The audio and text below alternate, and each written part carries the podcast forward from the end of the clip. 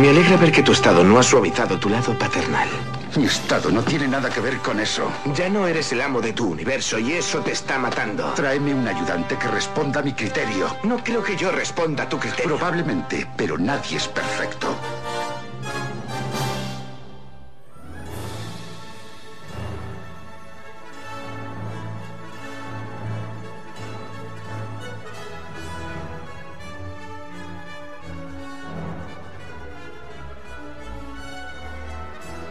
Ai, sí, avui començàvem amb un tall de Smallville, quanta gent que la criticava aleshores aquell Superman. I goita ara, avui potser molts el troben a faltar. Sí, havien d'haver-hi hòsties entre Batman i Superman. El que passa el que no ens pensàvem és que rebrien hòsties per totes bandes eh, per part de la crítica, o sí, perquè la cosa pintava sospitosa però s'ha reafirmat eh, aquesta setmana i els rumors pinten que Però malament. nosaltres... Què tal, Ignasi? Bé. Nosaltres, fins que no l'anem a veure, no direm res. Evidentment, nosaltres, jo encara no tinc opinió a la pel·lícula. Jo puc criticar a l'elecció del director, l'anterior No pel·lícula... No gens. Zack Snyder, és, després ho comentarem, no? però va començar molt bé eh, l'Amanecer de los Muertos i eh, la seva carrera ha anat una progressió descendent bastant clara. I Man of Steel mm, a mi no m'ha agradat, no m'agrada gens aquella visió de Superman i ja no confiava en ell per una pel·lícula d'aquest estil perquè no crec que reflecteixi l'essència de, dels personatges i a mi la de Brian Singer l'han criticat molt però a mi aquella pel·lícula m'agrada Molt bé. A mi m'agrada en Henry Cavill i en Ben Affleck. molt bé, Ben Affleck que potser ens recordarà la seva època de Daredevil eh, pel·lícula que m'he oblidat gràcies a la sèrie de televisió Sí, era justet, aquella. Sí, bueno, és que Ben Affleck és justet com a actor. És a dir, Com a director és un 10, no me'l critiqueu perquè- No, director ha fet bones pel·lícules. Ara, com a actor, no, no, no acaba de ser el seu, això d'interpretació. En fi, parlarem de Batman, Superman i moltes més altres coses. Tindrem xafarderies amb tu, Marta. Què tal? I et presento Marta Sanz. Què tal, home? Com estàs? Molt bé? De fet, porto una anècdota d'en Henry Cavill, molt divertida. Mm -hmm. Doncs després ens l'expliques. Sí, sí. També passarà per aquí en Jacint Casademont, en Bernat Costa, que avui parlarem una mica de- d'anime, eh, de Ghibli concretament, de dues pel·lícules que s'han estrenat aquesta setmana i farem una mica de eh, tertúlia eh, de les pel·lícules estrenades darrerament, que en tenim unes quantes per comentar. I si ens tenim una mica de temps comentarem res, una mica de Daredevil, poquet, eh? perquè esperarem a veure més capítols per fer una tertúlia una mica més extensa, però ja que hem pogut tastar una mica la sèrie, comentarem lleugerament aquesta estrena de la segona temporada.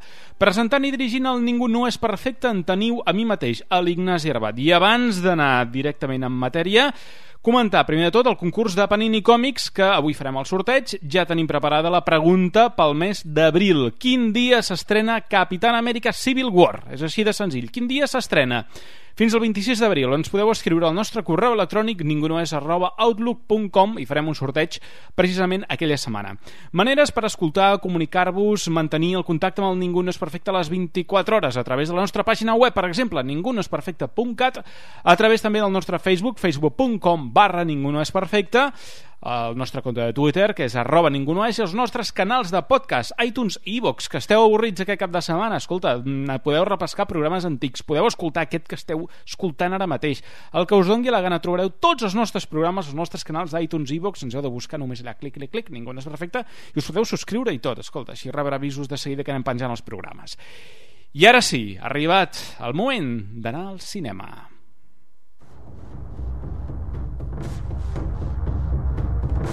Estrenes, tertúlia i notícies a la gran pantalla.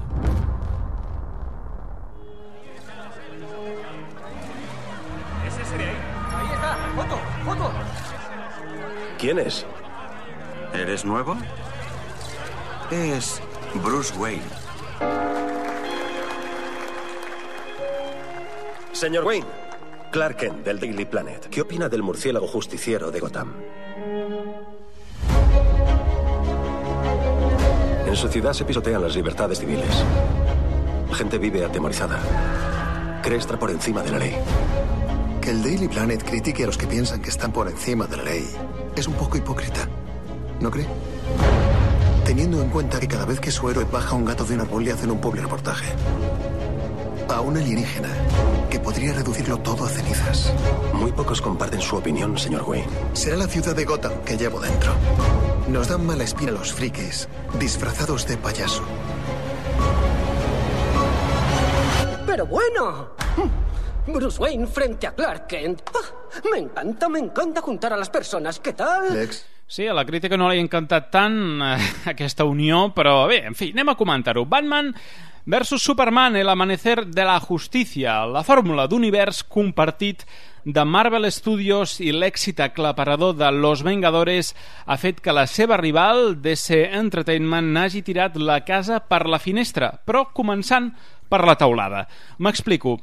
DC ha tirat endavant un film en el qual ens presentaran els seus herois més destacables, Superman, Batman, Wonder Woman, Aquaman i Flash, sense que cap d'aquests, amb l'excepció de Superman, hagi tingut abans una pel·lícula de presentació. L'aposta és la mateixa i a la vegada contrària a Marvel. Si Marvel va presentar els seus herois en pel·lícules individuals per finalment reunir-los a Los Vengadores, DC els uneix primer a El Amanecer de la Justicia per posteriorment, si la pel·lícula funciona, desenvolupar pel·lícules individuals. De fet, ja s'està rodant Wonder Woman i Warner té la intenció de fer una pel·lícula individual de Batman protagonitzada per Ben Affleck. De l'èxit d'aquesta també dependrà que s'acabi fent la pel·lícula de la Liga de la Justícia, que teòricament ha de dirigir a Snyder, la qual ja ha vist endarrerida la data d'inici de rodatge perquè Warner no té clar que Batman vs Superman acabi sent l'èxit que esperaven. La pel·lícula no va funcionar en les prèvies i això ha preocupat molt a Warner que hauria rebaixat les expectatives de recaptació de 1.500 a 1.000 milions de dòlars. De la pel·lícula en sabem poca cosa. Tot indica que Snyder continua endavant amb l'estil de Man of Steel per tant, bona notícia pels que van gaudir d'aquella versió tan diferent de Superman i pels que van rebutjar aquella versió fosca de l'heroi amb més color de DC, caldrà veure si en aquesta pel·lícula hi troben algun altre ingredient que sí els convenci.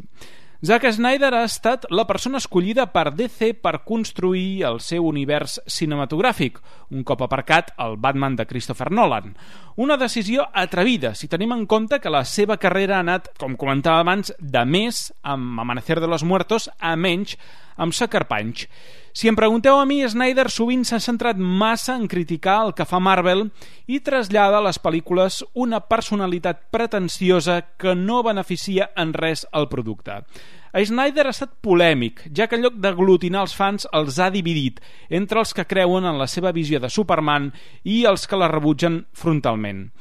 Snyder ja ha avançat que les seves pel·lícules mancaran de sentit de l'humor i de l'aspecte visual proper al còmic que, per altra banda, tan bons resultats ha donat a Marvel.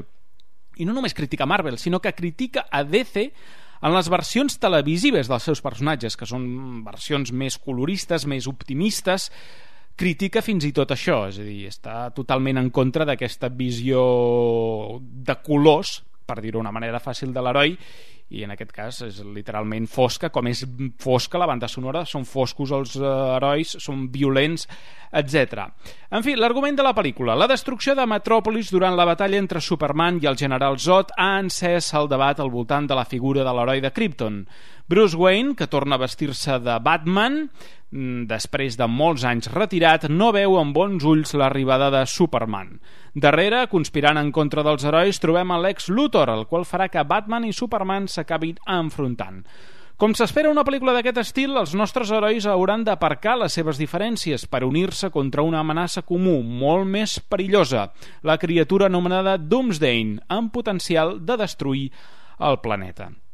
Entre les fonts d'inspiració del film trobem El regreso del Caballero Oscuro de Frank Miller, que és el punt de partida del Batman interpretat per Affleck.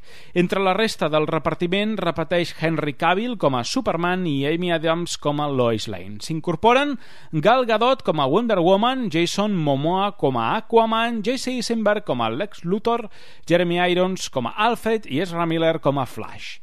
El càsting no ha estat aliè a la polèmica, començant per un Ben Affleck, dels que no se'ns ha oblidat la pèssima interpretació cinematogràfica de Daredevil i que ha esborrat la sèrie de televisió, o un Jesse Eisenberg que a ningú li va agradar el Luthor que se'ns ha mostrat al tràiler, o Jason Momoa, que és la imatge absolutament contrària a l'Aquaman dels còmics. Entre les principals curiositats us comentarem que l'armadura que fa servir Batman per lluitar contra Superman ha estat creada digitalment, ja que Affleck no s'hi podia moure en les escenes d'acció. El pressupost de la pel·lícula ha estat tremendament exagerat. Diuen que uns 450 milions de dòlars, als quals s'hi sumen les despeses de promoció superarà de llarg els 600. Hi ha fins i tot algú que deia que s'apropava als 1.000. Jo això ja no ho sé. És, ja arriba un moment que jo crec que la gent ha parat de comptar. Amb aquestes xifres, uns investigadors de la Universitat d'Iowa diuen que les probabilitats que la pel·lícula no fracassi són només d'un 32%. Però aquestes xifres eh, els hem de fer un cas relatiu, ja que ni de broma ningú, per exemple, va predir l'èxit de Deadpool. Igualment, amb les crítiques que s'han embargat fins al dia abans de l'estrena, això no és bona senyal. De fet, quan van sortir a la llum, dimarts a la matinada, totes eren molt dolentes. La mitjana de Rotten Tomatoes la situa per sobre de Green Lantern i molt per sota de Man of Steel. Quan estem gravant portava només un 40% de valoracions positives. Ja veurem què recapta, però ja podem afirmar que ha estat un fracàs per la crítica. En tot cas, tocarà veure-la i jutjar si després aconsegueix complir amb les expectatives de cadascú.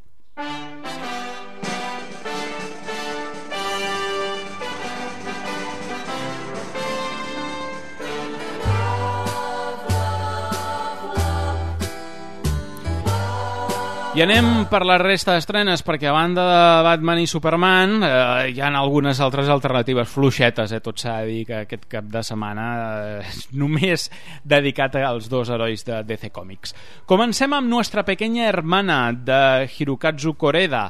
Les protagonistes són tres germanes que viuen a casa de la seva àvia. Quan reben la notícia de la mort del seu pare, que les va abandonar quan eren petites, en el funeral coneixen la germanastra, de la qual no en sabien l'existència.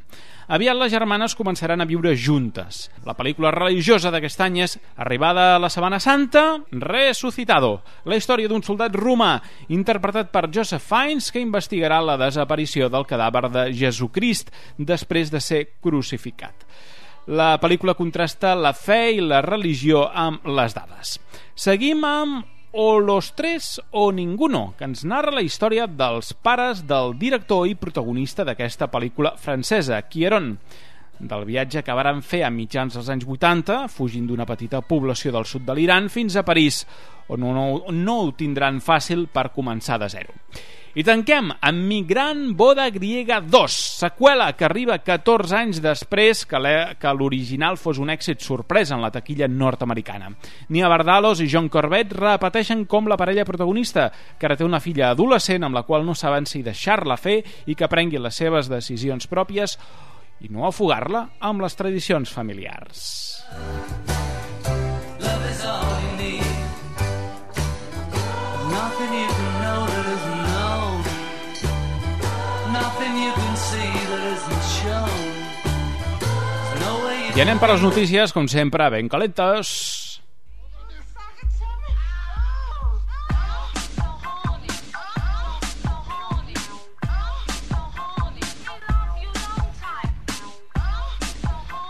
Què tal, Jacint, com estàs? Doncs molt bé, però avui vinc una mica recargolat, perquè ja veureu les notícies que porto. Porto dones dolentes per començar i per acabar les notícies. Ai, dones dolentes, bé ens agraden, no, això? O no? Bueno, depèn de...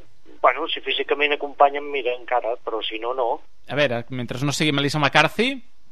No, no, eh, això és un altre tipus de dona, no, és pesada. No és dolenta, és dona pesada. Vinga, va, comencem. La primera notícia que és Margot Robbie protagonitzar la pel·lícula Jo, Tònia, que és un biòpic sobre una patinadora professional. No sé si us, uh, us sona aquesta història. Me sona, sí, Tonya Harding, no? És una patinadora molt famosa de 80, sí. anys 70 o 80, no, ara no te sabria... No, no, més tard, 94. Tard. Ui, imagina't, això és el que estic posat jo amb aquest tema un patinatge artístic. Sí, sí. Doncs res, a les Olimpiades de 1994 va participar aquesta patinadora, però tenia una gran competidora que veia que li passaria la mà per la cara i s'enduria la medalla d'or. I què va decidir ella com a bona esportista? dir-li al seu marit i a un compinxe que anessin a trencar-li la cama a aquesta senyora perquè així no pogués participar. El que passa és que la senyora es va aconseguir escapar, la van denunciar i està en presó, aquesta senyora. I la noia que volia lesionar finalment va acabar obtenint la medalla d'or, que era la Nancy Kerrigan.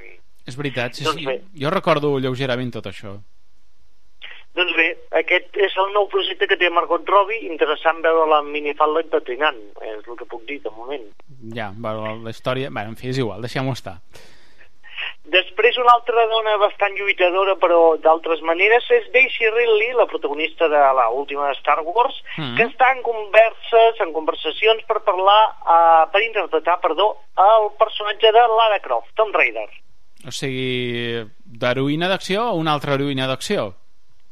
Sí, i la veritat és que el nou aspecte que té el personatge als videojocs s'hi assembla bastant a ella. Mm. I és més, ella mateixa ho ha confirmat dient que sí, que ja ha parlat amb Warner i que està esperant el vistiplau per interpretar el personatge. Clar, potser a mi mm, ja m'agrada, eh? Però dius, ostres, ja si la tenim a Star Wars, per què tornar-la a repetir amb un Tomb Raider? Bé, no sé. A buscar-se la vida fora de Star Wars és complicat, digue-li tots els sectors que hi han passat. Bueno, no tots, Harrison Ford li va anar molt bé. No, sí, Harrison Ford i ja està. Ja està, sí. Fins aquí. Què més? Com per exemple Schwarzenegger, Home, perquè ha dit que efectivament volveré.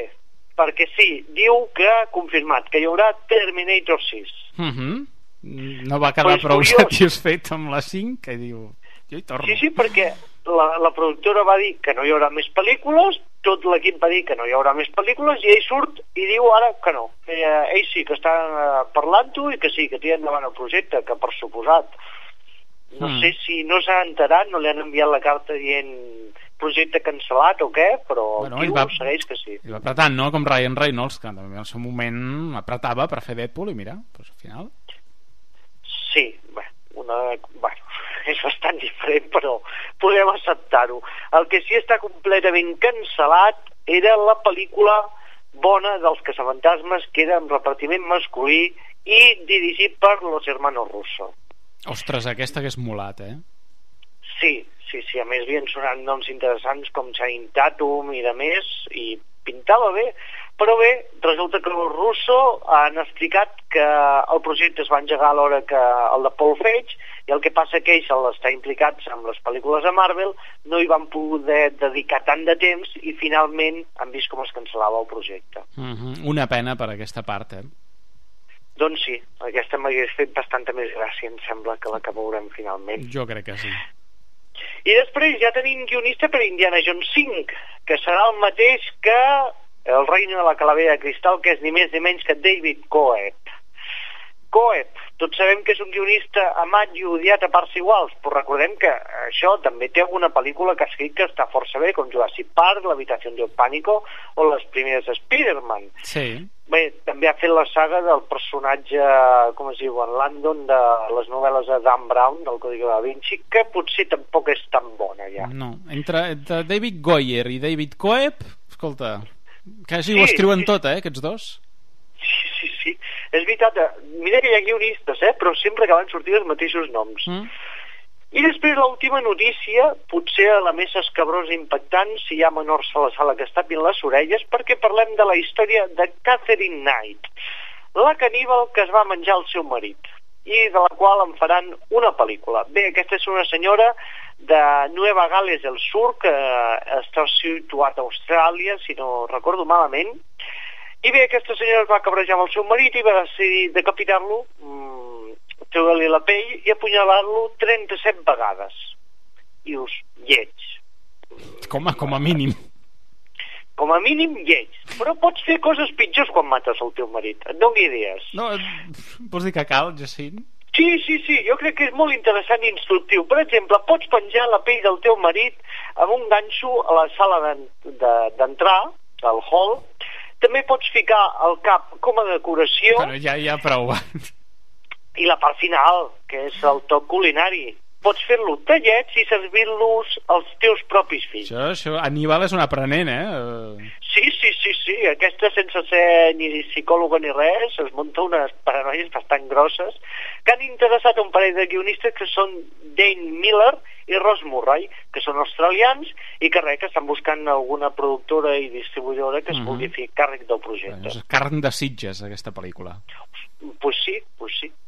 Li veig. Hmm. I fins aquí les notícies d'aquesta setmana. Molt bé. Esperem a la setmana que ve, per això, que tindrem notícies de que ha funcionat també Batman vs Superman, que ja tenim 8.000 projectes més a DC damunt de la taula, segur. M'imagino, jo després de les crítiques que han sortit m'imagino que ja, ja, ja, demà comença el rodatge de la Liga de la Justícia directament.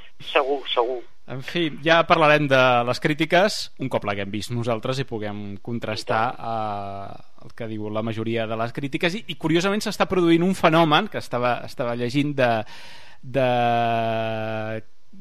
trolls contra crítics eh, de gent que no ha vist la pel·lícula que l'està defensant insultant a crítics que, que l'han vist i que l'han deixat malament. S'està creant un fenomen al voltant d'aquesta pel·lícula que jo rares vegades eh, havia, havia vist. Eh? La gent està molt encesa davant d'una opinió no sé, els Quatre Fantàsticos no va passar això, és a dir, aquí els No, fans no, no. s'hi van afegir en contra. Bé, eh, el que acabarà di- dictaminant sentència serà la recaptació. O sigui que la primera Sí. setmana serà forta, sens dubte, però a partir Sí. de la tercera veurem realment A què veure, és. el fet d'embargar les crítiques fins al dia abans de l'estrena només tenia un sol objectiu, o sigui, Warner sabia que eren molt dolentes, eh, si les embargues fins a última hora el que fas és, com a mínim, salvar el primer cap de setmana. A partir d'aquí llavors ja és una altra història. Bueno, Star Wars també ho va fer, eh? Sí, sí, sí, sí. També t'ha dit que ho puc entendre perquè ho va fer també, perquè no... Si comença a circular la història de que és un remake, que això ho he vist, i que Han Solo mm, acaba com acaba, i bueno, en fi, saps? Dir, La gent ja hagués anat una mica encesa. Molt bé, Jacint, doncs eh, res, la setmana que ve eh, debatrem d'aquesta pel·lícula. I tant. T'esperem. Aquí estaré. I tant. Vinga, una abraçada ben forta. Igualment. Adeu, adeu. I nosaltres el que farem és comentar les pel·lícules que hem vist aquesta setmana.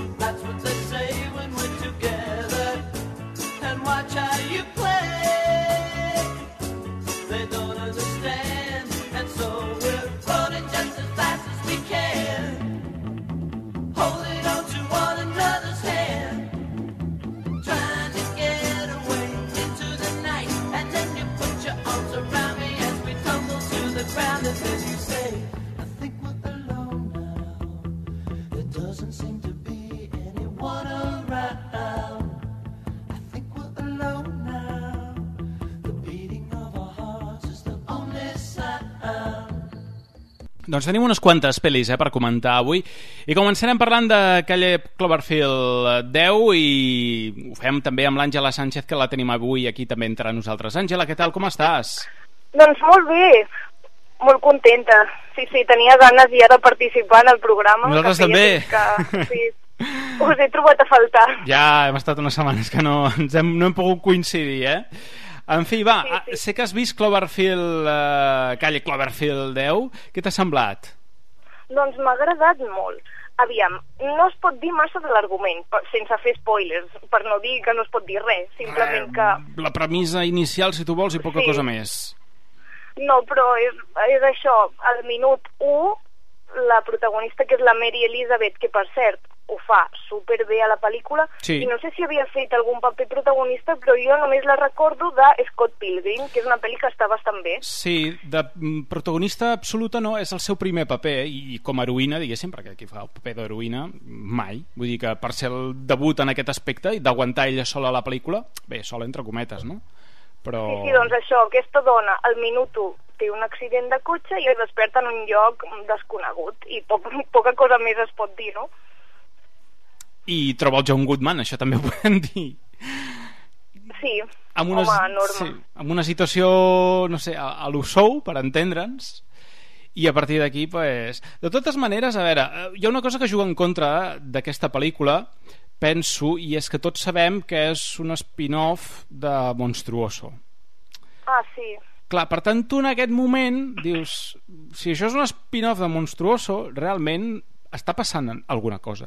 és a dir, aquesta ambigüetat que juga la pel·lícula de Clar. si passa o no passa si m'estan enganyant i estic amb un boig psicòpata o, o és un tio que té la raó eh, tu ja saps que hi ha allà algú perquè Sí, si no no seria, alguna cosa. clar, si no no seria un spin-off de Monstruoso però igualment la pel·lícula sense explicar res aconsegueix avançar de tal manera que t'acaba sorprenent fins i tot amb com acaba derivant el personatge del Goodman no? Totalment. i això trobo que és un gran mèrit de la pel·lícula Sí, jo en general, és a dir, m'ha agradat moltíssim, però és això, que trobo, sense fer spoiler, al final una mica descontrolat. Ho deixaré així, en descontrolat, sí, però una mica una bogeria. Sí, a mi m'ha agradat, eh, al final, i trobo que és el que enganxa amb, amb l'altre. Però, hola, eh, Cloverfield ja era una mica descontrolat. Monstruoso, de cop i volta, no? Mm. Eh, el món s'ensorra. I aquella càmera a l'espatlla que no acaba de marejar, jo pensava, si plau en aquest eh, spin-off que no hi hagi massa Ja. càmera eh, d'aquesta subjectiva o, o mòbils, no? La gent va gravant amb els mòbils mentre corre i, i clar, sí que és cert que a les últimes imatges eh, sorprenen perquè dius, uala, i això apareix ara aquí, no? Però és, Clar, que, és que- ja ve d'allò. És que la gent... dius, No sé, la gent... Eh, no sé si ho sap... és una pel·li és una pel·lícula de re- ciència-ficció molt estranya. És que és una pel·lícula reciclada, és a dir, aquesta pel·lícula estava feta i de cop i volta es va quedar amb un calaix i Abrams va dir, hosti, això ho hem d'aprofitar d'alguna manera, aquest, Totalment, sí, aquest sí. material rodat. I van dir, ah, doncs, i si fem que sigui un spin-off de Monstruoso, rodem unes escenes al final i l'acabem convertint en una altra... I per això potser hi ha aquest canvi tan gran del que és tota la pel·lícula a les escenes finals, no? Sí. Però, de fet, per ser l'òpera prima d'aquest director, és molt bona i molt sorprenent, molt rodona en general, i això, el guió és magistral, no sé, està molt ben, molt ben pensada, i la premissa inicial que potser dius, bueno, aviam, una dona que es queda tancada a un lloc, mm, com ho farem, no? Doncs l'acaben complint bé i, no sé, la trobo bastant potent en general. Jo no sóc tan optimista com vosaltres, Ah, no? No, no la trobo tan rodona. Trobo que hi ha, molts, eh, hi ha tòpics d'altres pel·lícules que hem vist en situacions Home, em recorda similars. molt, perdó, que et tallo, a Lost. Sí, Moltes, la molt banda sonora, una mica estètica... sí, és veritat, perquè fa servir temes així antics, estan com una mena de búnquer, no? Veus, això ja no diu massa, eh? Perquè a mi Perdidos em va agradar alguna temporada, que és la 4, que és la que no va agradar segurament als que us agradava la resta. Però... A mi, excepte la 3, m'agraden totes. Eh, I, bueno, i la final, aviam, tampoc... Bueno, sí, també, la final Bueno, quasi que té aquesta, també. té, clar, però penseu que és que el, ja ara que ha sortit la paraula l'home eh, que viu en una granja en John Goodman, que ho fa Sí. excel·lent que ho fa excel·lent I que cada dia ho fa millor aquest home. Trobo que està bastant desaprofitat, eh? Bueno, jo crec que eh, ara que sortia la revista Imàgenes i he estat fullejant, he vist que n'hi ha un altre punt d'estrenar que també surt ell. Vull dir que jo crec que... A Trumbo, no? Podria Sí, ser? correcte, Trumbo. Sí, sí, sí, sí, aquesta persecució... Sí, però és una pena, perquè sempre té papers eh, secundaris i com a principal jo trobo que donaria molt de joc, i aquí, diguéssim que és La veritat és que principal. mantén el dubte molta estona. Ara us haig de dir una cosa, però no sé si dir-la, la veritat. Perquè... No, sí, Ui, pots ui, anar a descobrir... aviam. No, eh, no, eh, perquè és perillós, aquesta Però pel·lícula. penso que, ho, no sé si ho heu dit o no, la qüestió és que aquesta noia, tal com ha dit l'Àngela perfectament, en el minut 1 o minut 5 apareix després d'un accident de cotxe, amb una estança, quatre parets, Sí. gens acollidora, gens acollidora, amb un, amb un gota a gota, que dius, que ben no, posat, Sí, sí. i, i, i clar, i, te sorprèn qui la, qui la, en principi qui l'està cuidant, no? I mm, jo, si, si tens algú amb una estança a quatre parets, amb un llumet, no sé si aquella persona va de bona fe. O sigui, és la meva reflexió, eh? Però després, clar, comences a pensar, com que és un spin-off de Cloverfield, vés a saber si el món, saps? Tu- Hi ha com una, de, una desconfiança entre uns i altres, no? El que passa home, també també, a Perdidos, això, no? Que hi ha desconfiança... De fet, sí que hi ha una i altres. desconfiança, perquè, clar, ell té allà el, el xiringuito muntat, en plan la pel·li aquella Take Shelter, no? I, escolta, que... Sí, me recorda Take Shelter per mi sí que és una pel·li molt bona de guió com a ciència-ficció independent i aquesta és, aquesta és potser, jo crec, adreçada a un públic juvenil, o sigui, o més juvenil, és per totes les edats, però jo crec que els Jo- joves també s'hi poden enganxar, eh? Jo no veig a la gent que va veure Divergente anant a veure això, eh, sincerament. No, jo no, jo no he dit... tampoc, Di... no, No, no, no, no, un moment, un favor, moment, eh? un moment. Jo no he dit adolescent, eh? Jo he dit juvenil. Jove. Jove, Sí. més jove. Uh, els protagonistes, si us fixeu, Mhm. són joves relativament. Sí. Vull dir, Totalment, sí. Vale? Ella està a punt de, està a punt de comprometre's i, i què fa? Se'n- No vol, se'n va, no? No saps, no saps massa què, què passa, però se'n va de casa i ho deixa tot potes a l'aire. I l'altre protagonista mascle mm, de- d'aquesta granja, que no és en John Goodman, Mm. eh, també és un nano una mica... John Gallagher es diu. Doncs Sí. aquest, en John està una mica perdut, diguéssim. El seu paper fa un noi que volia unes coses i té por també, no?, de, de continuar amb la seva vida.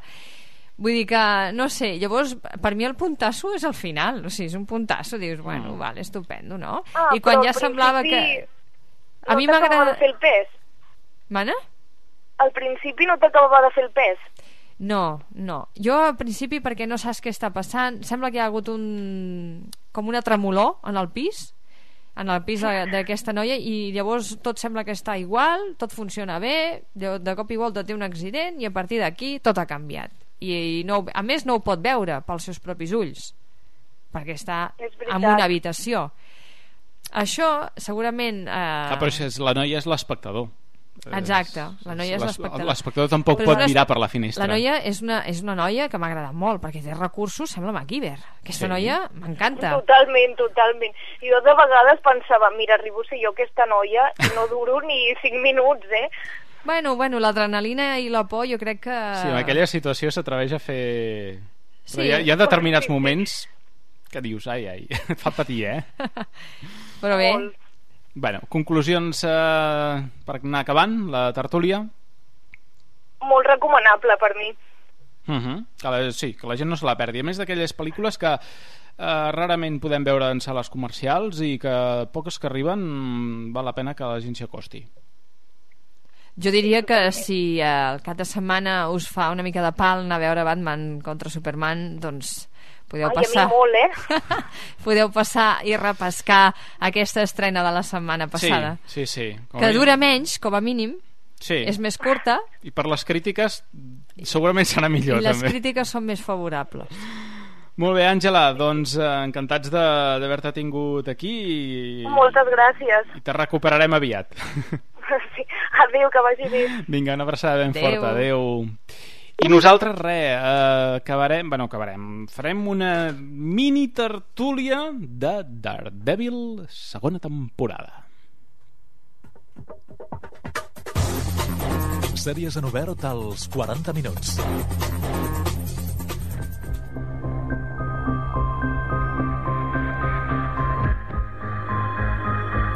Prometem una tertúlia llarga. Eh? Avui això que fem és un petit aperitiu perquè Netflix eh, va posar a disposició els 13 capítols. Hi ha gent que ja els ha vist tots.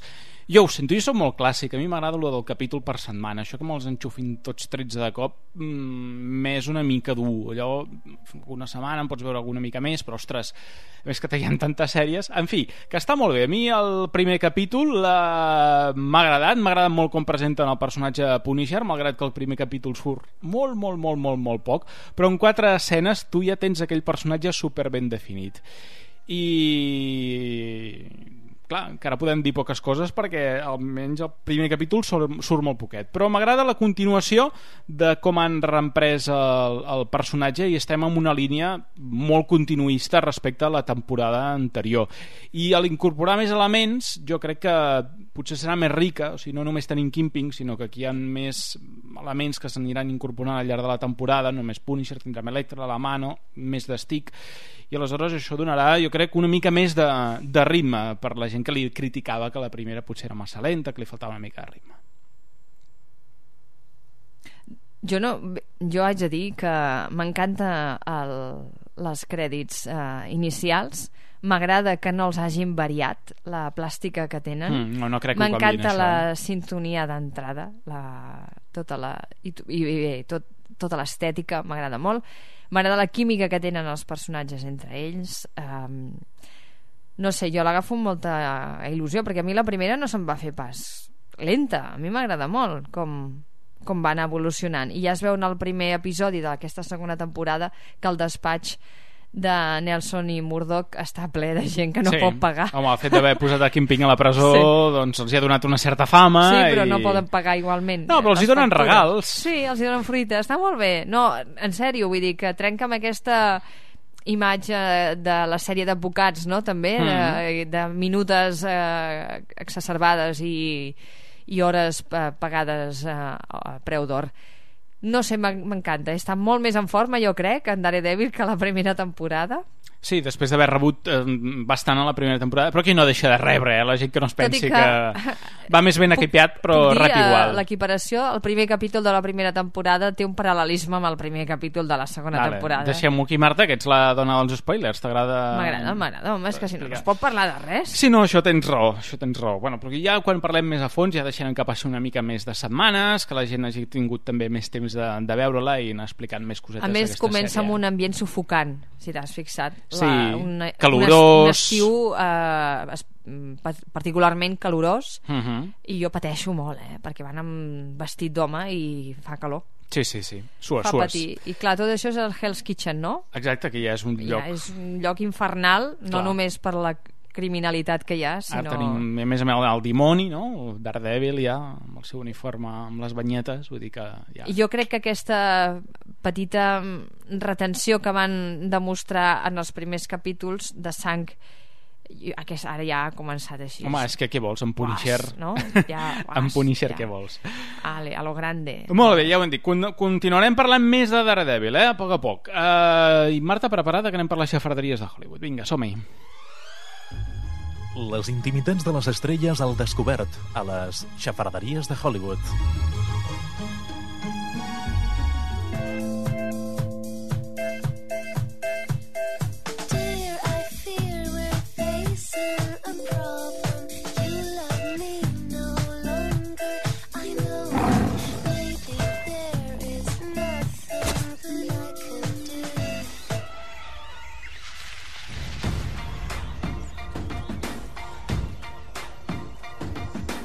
Què us sembla?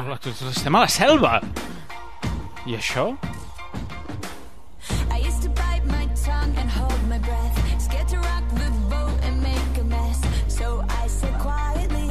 I això és la Katy Perry Sí, ara que ve, Katy que parla de la Perry. seva llengua Mm. i per això he posat aquest tema Ah, molt bé. perquè hem pillat la seva llengua dins de la boca d'Orlando Bloom oh.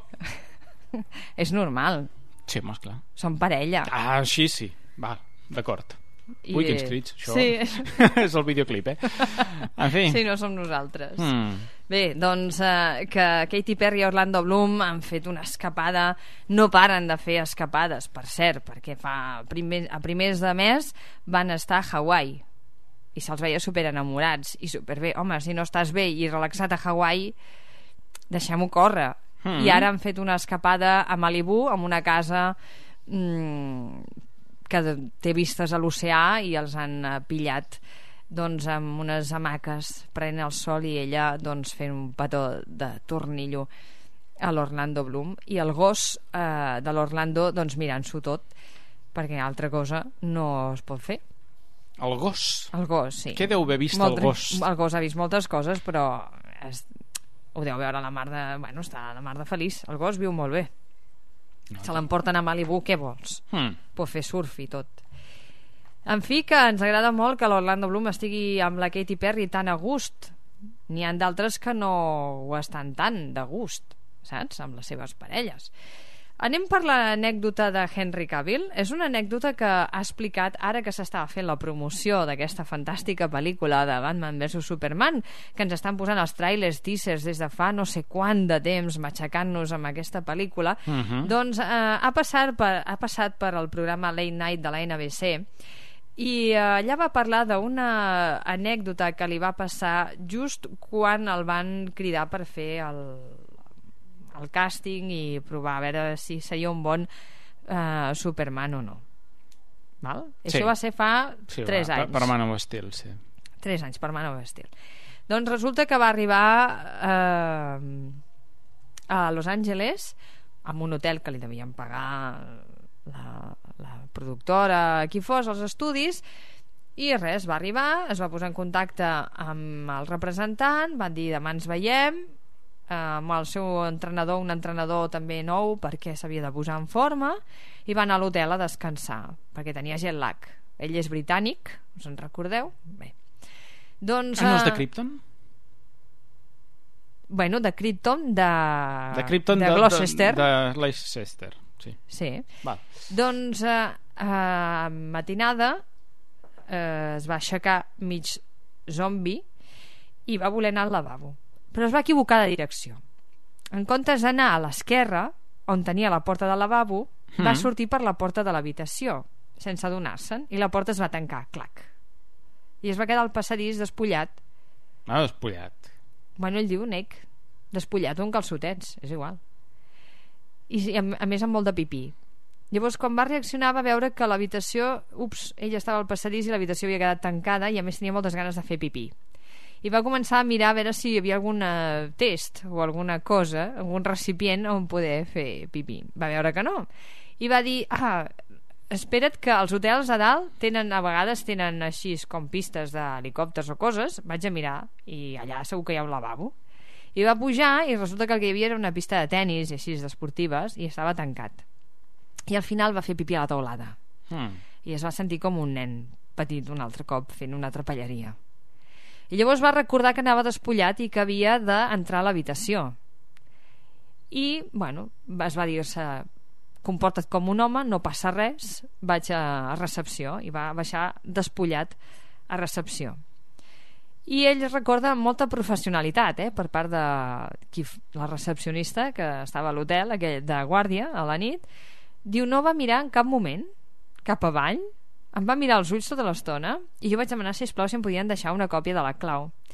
El que va ser totalment vergonyós és el viatge que va fer des de la recepció en ascensor fins a la seva habitació que el va acompanyar un guàrdia, un guàrdia de seguretat de l'hotel no sé per què, en fi, potser pensaven que s'hi faria mal El de que, camí o... el que et pugui explicar un guarda de seguretat d'hotel, ja t'ho dic jo, que cosa fina, eh? En fi, doncs ell s'ho va passar una mica malament en aquell viatge d'ascensor. I des de llavors té la mania que quan eh, lloga una habitació d'hotel posa una cadira encastada a la porta de sortida per no Mhm. equivocar-se si s'aixeca de matinada i, se, i, bueno, i se'n va de porta. diguéssim. Molt bé. Us ha agradat la Sí, sí, està, ha estat divertida. Està divertida. Un que t'agrada molt a tu Ai. i que a nosaltres ens treu la son. En David Hasselhoff. Home, molt fans de David Hasselhoff. Molt fans. Molt, però David molt, Hasselhoff, jo crec que està passant una bona època. eh? Sí. Perquè ara mateix, saps què està fent? D'entrenador de... Uh, ai, com es diu? Ara no me surt en català.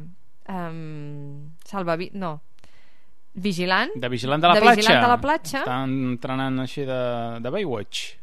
perquè s'està fent el La remake pel·lícula, cinematogràfic sí. Mhm. vale? amb en La Roca, Dwayne Sí. Johnson i Zac Efron que té tableta de xocolata I Alessandra Daddario, que te deixes la millor. ah, aquesta no m'interessa jo, he vist, jo he vist els músculs Alessandra jo, Daddario. perdona, he vist els músculs del Zac Efron jo he que vist una altra noi. cosa d'Alessandra Daddario. bé, els genolls Jo- En Jacint no hi mira els genolls. Jo no sé què fa, en Jacint mirant els genolls d'Alessandra Doncs Daddario. hi ha unes fotos que us recomano que les mireu a la, a la pàgina TMZ Mm. que surt en David Hasselhoff passant-ho passant soteta amb la roca a la platja amb un cos, aquest home 62 anys està fibrat però tinc la sensació que tota l'estona està aguantant-se l'aire perquè la panxa vagi endins Això ja ho feia Los Vigilantes de la Playa.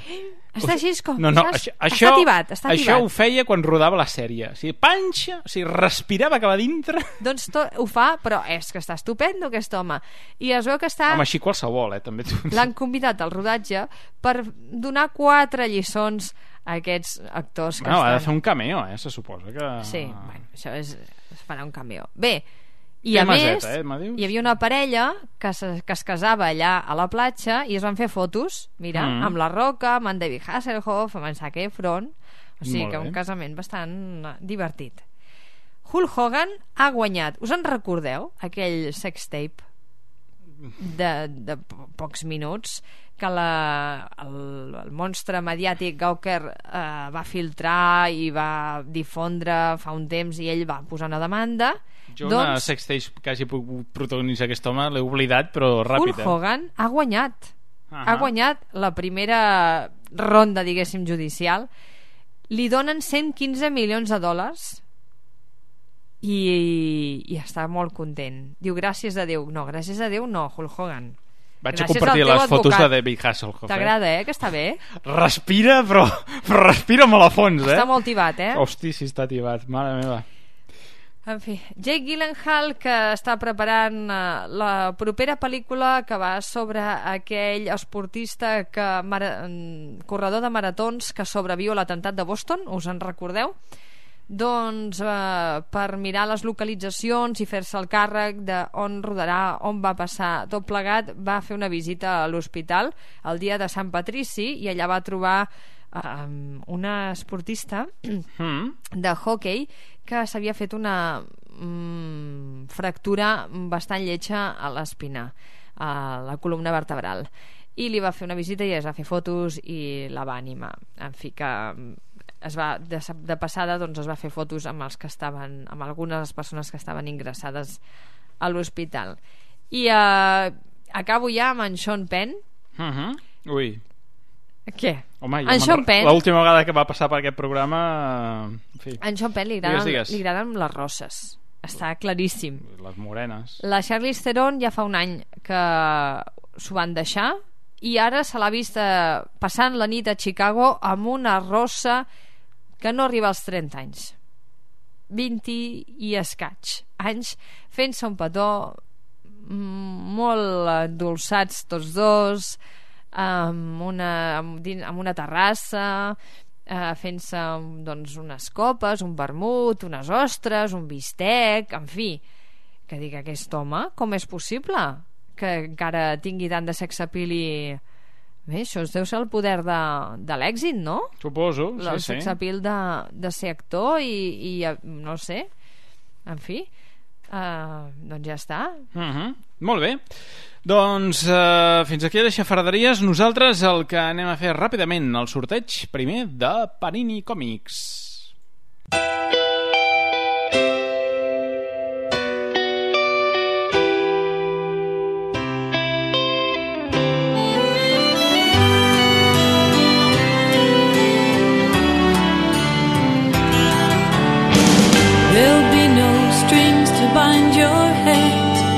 not if my love can't bind your heart.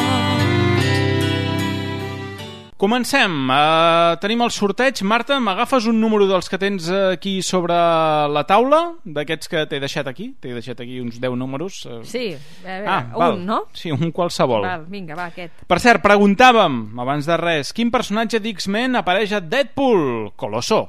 Colosso. Uh, han tingut 10 encertants. el 3 El 3. sí. El 3 és la Rosa d'Aigua Viva. doncs, molt bé, Rosa. Vinga, felicitats, Rosa. I abans d'anar amb en Bernat, ràpidament comentem tres eh, novetats que podeu trobar de Panini Còmics a partir del mes que ve. Comencem per, eh, ja que arriba Capitán Amèrica, Civil War i tot això, s'estrena un còmic molt esperat del Capitán Amèrica, Capitán Amèrica Blanco, que tanca aquest cicle de novel·les gràfiques que han escrit, eh, que ha escrit el Jeff Lloyd i dibuixat el Tim Sale, doncs en aquest cas eh, trobem aquesta obra ambientada l'any 1941 amb el Capità Amèrica i Bucky Barnes que viuen una aventura ambientada doncs, això en època de la Segona Guerra Mundial. També, ja que està a punt d'estrenar-se X-Men Apocalipsis, com no, gran moment per recopilar amb un volum de 784 pàgines l'era de l'Apocalipsis, eh, la sèrie de còmics que no sé si estarà molt relacionada o no amb la pel·lícula que veurem, però vaja, va ser un dels esdeveniments més importants dels X-Men dels anys 90 i veurem una patrulla X alternativa, Apocalipsis regna el planeta i la Patrulla X està liderada per Magneto. Una mica de diversitat d'autors, una mica de qualitats diverses també. I recopilant material antic de Spider-Man arriba el Marvel Gold eh, Sombroso Spider-Man número 7, que es publicarà a mes d'abril, que conté la saga del clon, la saga del clon original, la, la, la primera, ha mort Gwen Stacy el doctor Miles Warren fabrica un clon de Gwen Stacy que el primer que fa és anar a buscar Peter Parker. I veurem com reacciona una de les sagues més polèmiques, no la aquesta, sinó la que va venir després, que va ser la, la segona part dels eh, fets i esdeveniments que van succeir en aquesta saga del clon. Tres còmics de Panini que podreu trobar a partir del mes vinent. I ara sí, anem directes amb en Bernat.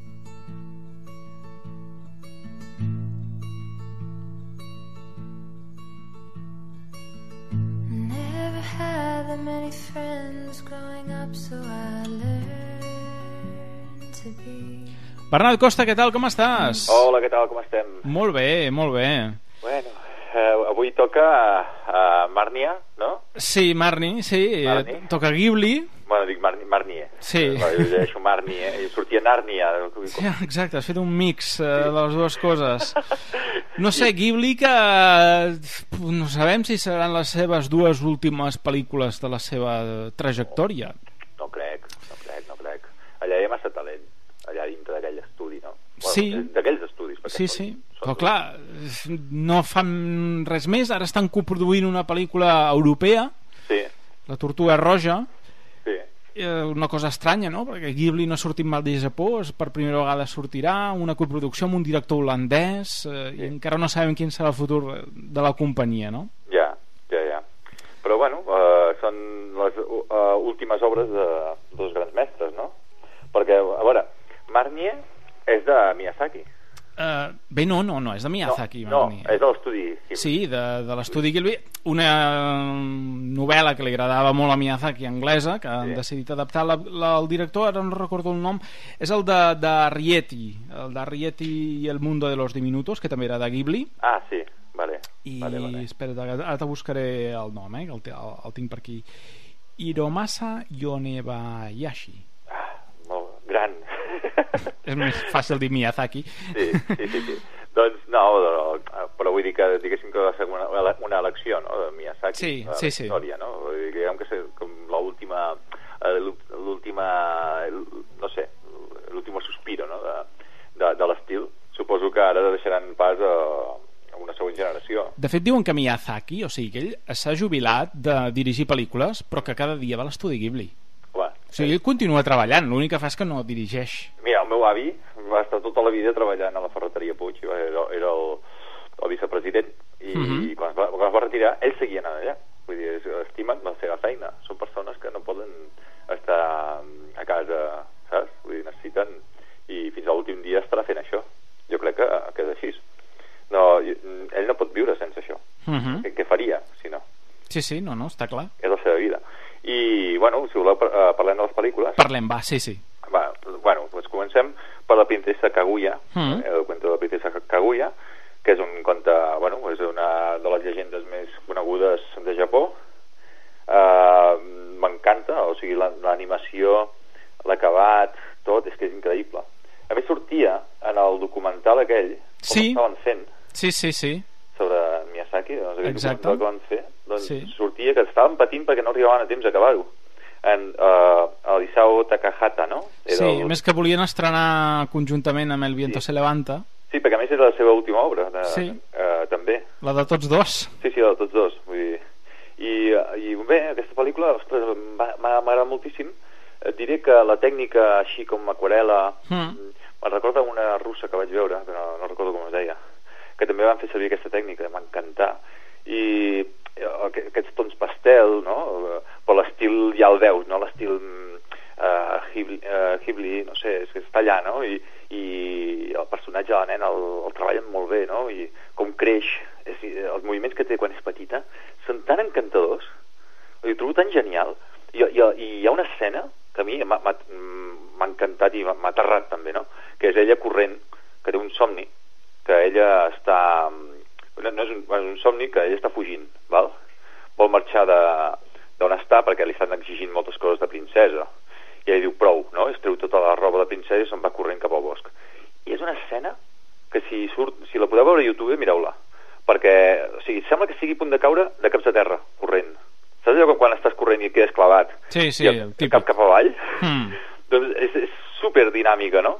i mai, mai no sé, ma, mm, desprèn molta desesperació, però al mateix temps eh, velocitat. És, és extraordinària. És una escena... Aquesta pel·li, mira, és el millor que té, aquesta escena. La resta, doncs, què us he de dir? És una història típica japonesa, melancòlica, com totes les històries japoneses, molta metàfora, com sempre, com el que sempre han buscat, aquest estudi, sempre han buscat molta metàfora, i, eh, bueno, eh, fins aquí aquesta pel·lícula, vull dir, no, jo, no us explicaré el final, ni, ni això, perquè l'he- l'heu de veure, és llarga, és... Eh, Sí, dura més de dues hores, eh? Sí, sí, sí, és una, una bestiesa, però, ostres, eh, molt maca. Curiosament, un realitzador, el Takahata, que sempre ha viscut a l'ombra de Miyazaki i Sí. que la gent mai ha sapigut exactament qui era aquest senyor perquè Miyazaki era tan gran que, Sí. que l'ha eclipsat, no? L'ombra de Miyazaki és molt llarga, eh? Molt Sí, llarga. sí. I no m'estranya. No, però aquest- tio aquí, ostres, o sigui, és com si diguéssim que ha ha fet la seva obra mestra al final, no? Quan, quan, quan, ja, quan ja plega, no? Quan, Mhm. Suposo que és quan plegues, eh, plegues en, en, a pres, no? Sí, sí. Doncs bé, Anem per la següent, el recorda de Marnie. el recordo de Marnie eh, és una pel·lícula que també m'agrada moltíssim, eh, melancòlica també. Mm, eh, el, el final sorprenent, man- el, sorpre el final, o sigui, aquesta pel·lícula, i no faré spoiler, però el final val molt la pena. O sigui, és el que, el que te deixa pell de gallina constant, saps? Tot el rato, eh, Sí. no sé, tu l'has vist, no? Sí, sí, sí, sí, és, és com molt trista. Sí, molt trista, molt trista. La relació que té ella amb, amb Marnie també és una mica rara, Sí, dir. Bé, llavors té la seva explicació, no? Sí, sí, sí, però eh, mentre no tens l'explicació no saps què pensar. Aquí hi ha Ja. alguna raro. Home, és que, de fet, la pel·lícula no deixa de ser... Uh, perquè, esclar, es nota molt que està basada en una obra que no és japonesa perquè uh, jo la veig molt anglesa, no? La, la, la casa típica anglesa, la nena rossa, anglesa... Uh, tot es recorda molt a, la, a un ambient molt gòtic, britànic, fins i tot semblant a, a la mujer de negro, no? Em sembla que es deia, la, la dona de negre. No, Bernat? Ui, em sembla que l'hem perdut. L'hem perdut. Bé, ara intentem recuperar-lo. Uh, a mi m'ha recordat molt aquest ambient britànic de la mansió misteriosa. Sembla una història de fantasmes i tu ja t'estàs plantejant tota la pel·lícula que si es tracta realment d'un fantasma, si el personatge real... Sí, veus que allà hi ha coses que no quadren, no? Però a poc a poc la pel·lícula te, te les va explicant de totes maneres es nota que Miyazaki no és el director perquè malgrat que sigui de Ghibli i en cert punt es nota uh, hi ha alguna cosa que dius ostres, no acaba d'arribar al nivell de, que arriba Miyazaki a l'hora de, de fer les seves obres no? El dibuix uh, el traç de l'animació mm, tot això està molt bé els fons però el que és la història en si li manca. Jo, almenys jo li he, li he trobat a faltar alguna cosa és a dir, que hi ha un punt fins i tot que bueno, Bernat semblava que li havia agradat més que jo. Potser li falta una mica de ritme trobo la pel·lícula. És una versió més lluminosa d'una mica del que estava explicant d'aquestes històries de, de fantasmes britàniques que normalment són més fosques. Bernat, Sí, bueno, problemes tècnics. sí, t'hem recuperat endavant Sí, sí, sí.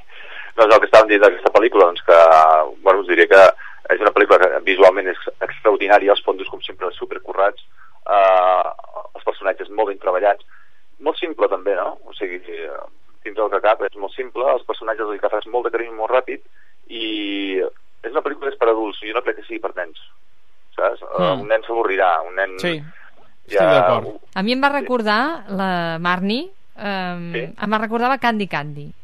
Uh, aquells Sí, passejos que feia la Candy uh, enamorada d'aquell noi Interminables, a més, eh? interminable, era interminable però jo estava ben Llarga. enganxada bueno, en aquella època és el que teníem i no hi havia més no?